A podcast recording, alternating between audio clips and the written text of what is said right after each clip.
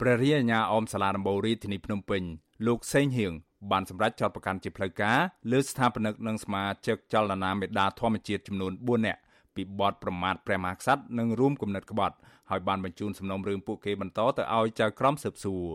សកម្មជនបរិស្ថានទាំង4រូបនោះរួមមានលោក Alejandro Gonzalez Davidson ដែលជាជនជាតិអេស្ប៉ាញហើយបច្ចុប្បន្នកំពុងរស់នៅក្រៅប្រទេសនិងសកម្មជនបរិស្ថានវ័យក្មេង3នាក់ដែលត្រូវបានសមត្ថកិច្ចចាប់ខ្លួន គឺកញ្ញាសុនរដ្ឋាលោកលីច័ន្ទដារាវុធនិងលោកយឹមលៀងហ៊ី មេធាវីការពីក្តីឲ្យសកម្មជនបរិស្ថាន3រូបគឺលោកសំសកុងប្រាវិសុស៊ីស្រីថាចក្រមស៊ើបសួរមិនទាន់បន្តនីតិវិធីនៅឡើយទេដោយសារតែយប់ដូច្នេះតឡាការបានបញ្ជូនកូនក្តីរបស់លោកទាំង3នាក់ទៅឃុំខ្លួនបន្តនៅអគ្គស្នងការដ្ឋាននគរបាលជាតិមួយយប់ទៀតដើម្បីរងចាំបន្តនីតិវិធីនៅថ្ងៃច័ន្ទ លោកបន្តថាចំពោះការចោទប្រកាន់របស់ព្រាយអាញាមកលើកូនក្តីរបស់លោកនេះគឺមិនអាចទទួលយកបាននោះទេព្រោះពួកគាត់គ្រាន់តែធ្វើសកម្មភាពការងារបរិស្ថានតែប៉ុណ្ណោះការធ្វើជាចលនាដើម្បី ការពារធនធានធម្មជាតិនេះគឺជាសិទ្ធិរបស់យុវជនក៏ដូចជាពលរដ្ឋខ្មែរគ្រប់រូបដែលបានធានាដោយកតិកាសញ្ញាស្តីពីសិទ្ធិពលរដ្ឋនិងសិទ្ធិយោបាយដូចជារដ្ឋធម្មនុញ្ញផងដែរទាក់ទងនឹងសិទ្ធិក្នុងការបង្កើតសមាគមបង្កើតចលនាផ្សេងផ្សេងដើម្បីចូលរួមការពារផលប្រយោជន៍អ្វីមួយអញ្ចឹងខ្ញុំគិតថាមកដល់ពេលនេះគឺទោះបីជាព្រះញ្ញាមានការចោទប្រកាន់ពីបទប្រមាថព្រះមហាក្សត្រក៏ដោយក៏ដូចជាទាក់ទងនឹងបទរំលឹកក្បត់ដោយប៉ុន្តែនៅមានលោកចៅក្រមស៊ើបសួរនៅបន្តការស៊ើបអង្កេតពាក់ព័ន្ធនឹងបទចោទបន្ថែមទៀតដើម្បីស្វែងរកការពិតមាត្រា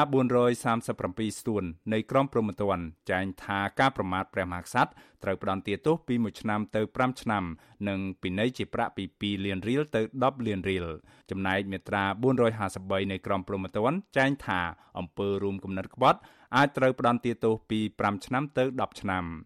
អាជ្ញាធររបបក្រុងភ្នំពេញបានចាប់ខ្លួនសកម្មជនចលនាមេដាធម្មជាតិចំនួន3នាក់កាលពីថ្ងៃទី16ខែមិថុនានៅក្នុងពេលដែលពួកគេបានចុះទៅថតទីតាំងបង្ហូរទឹកស្អុយមួយកន្លែងនៅតាមដងទន្លេក្បែរព្រះបរមរាជវាំងសកម្មជនបរិស្ថានទាំង3នាក់នោះរួមមានកញ្ញាសុនរដ្ឋាលោកលីច័ន្ទរាវុធនិងលោកយឹមលៀងហ៊ី អ្នកនាំពាក្យសមាគមការពារសិទ្ធិមនុស្សអាត6លោកសឹងសានករណាមានប្រសាសន៍ថាលោកសោកស្ដាយ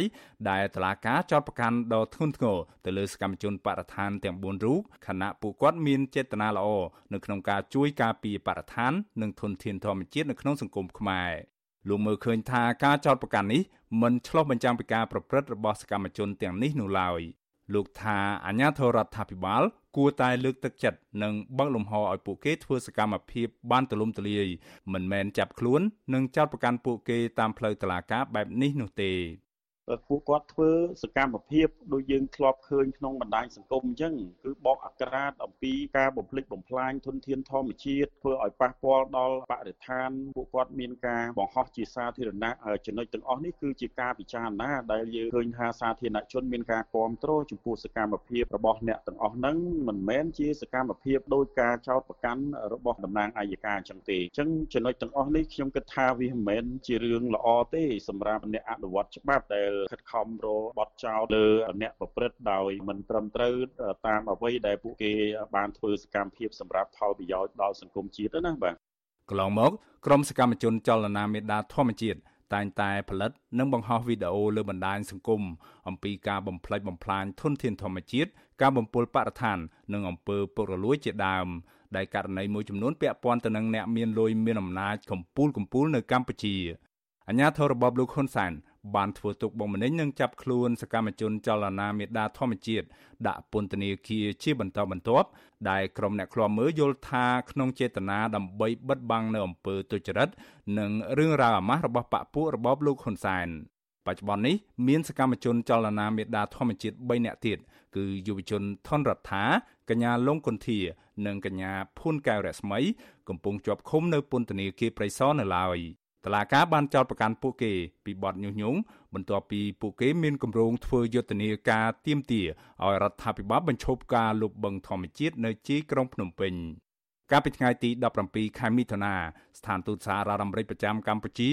បានប្រកាសកាត់ផ្តាច់ជំនួយអភិរក្សព្រៃឡង់ដែលធ្លាប់ផ្ដល់ឲ្យរដ្ឋាភិបាលកម្ពុជាដោយសារតែមើលឃើញថាព្រៃឈើនៅកម្ពុជា នៅតែបន្តបាត់បង់ខ្លាំងក្លាដដែលហើយមានការបង្ក្រាបឥតឈប់ឈរលើអ្នកការពារបរិស្ថានកាន់តែអាក្រក់ឡើងជាលំដាប់ឯករដ្ឋទូតសហរដ្ឋអាមេរិកប្រចាំកម្ពុជាក៏ធ្លាប់អំពាវនាវដល់រដ្ឋាភិបាលកម្ពុជាឲ្យដោះលែងសកម្មជនបរិស្ថាន ដែលលោកគូបញ្ជាក់ថាការហ៊ាននិយាយដើម្បីការពារបរិស្ថាន ដែលប្រឈមទៅនឹងការគំរាមកំហែងដោយសារតែការកាប់ឈើខុសច្បាប់ និងការកេងយកប្រយោជន៍ពាណិជ្ជកម្មគឺជារឿងរ៉ាវដែលគួរឲ្យសរសើរទៅវិញទេខ្ញុំបាទមេរិត Visual C ស្រីរាយការណ៍ពីរដ្ឋធានី Washington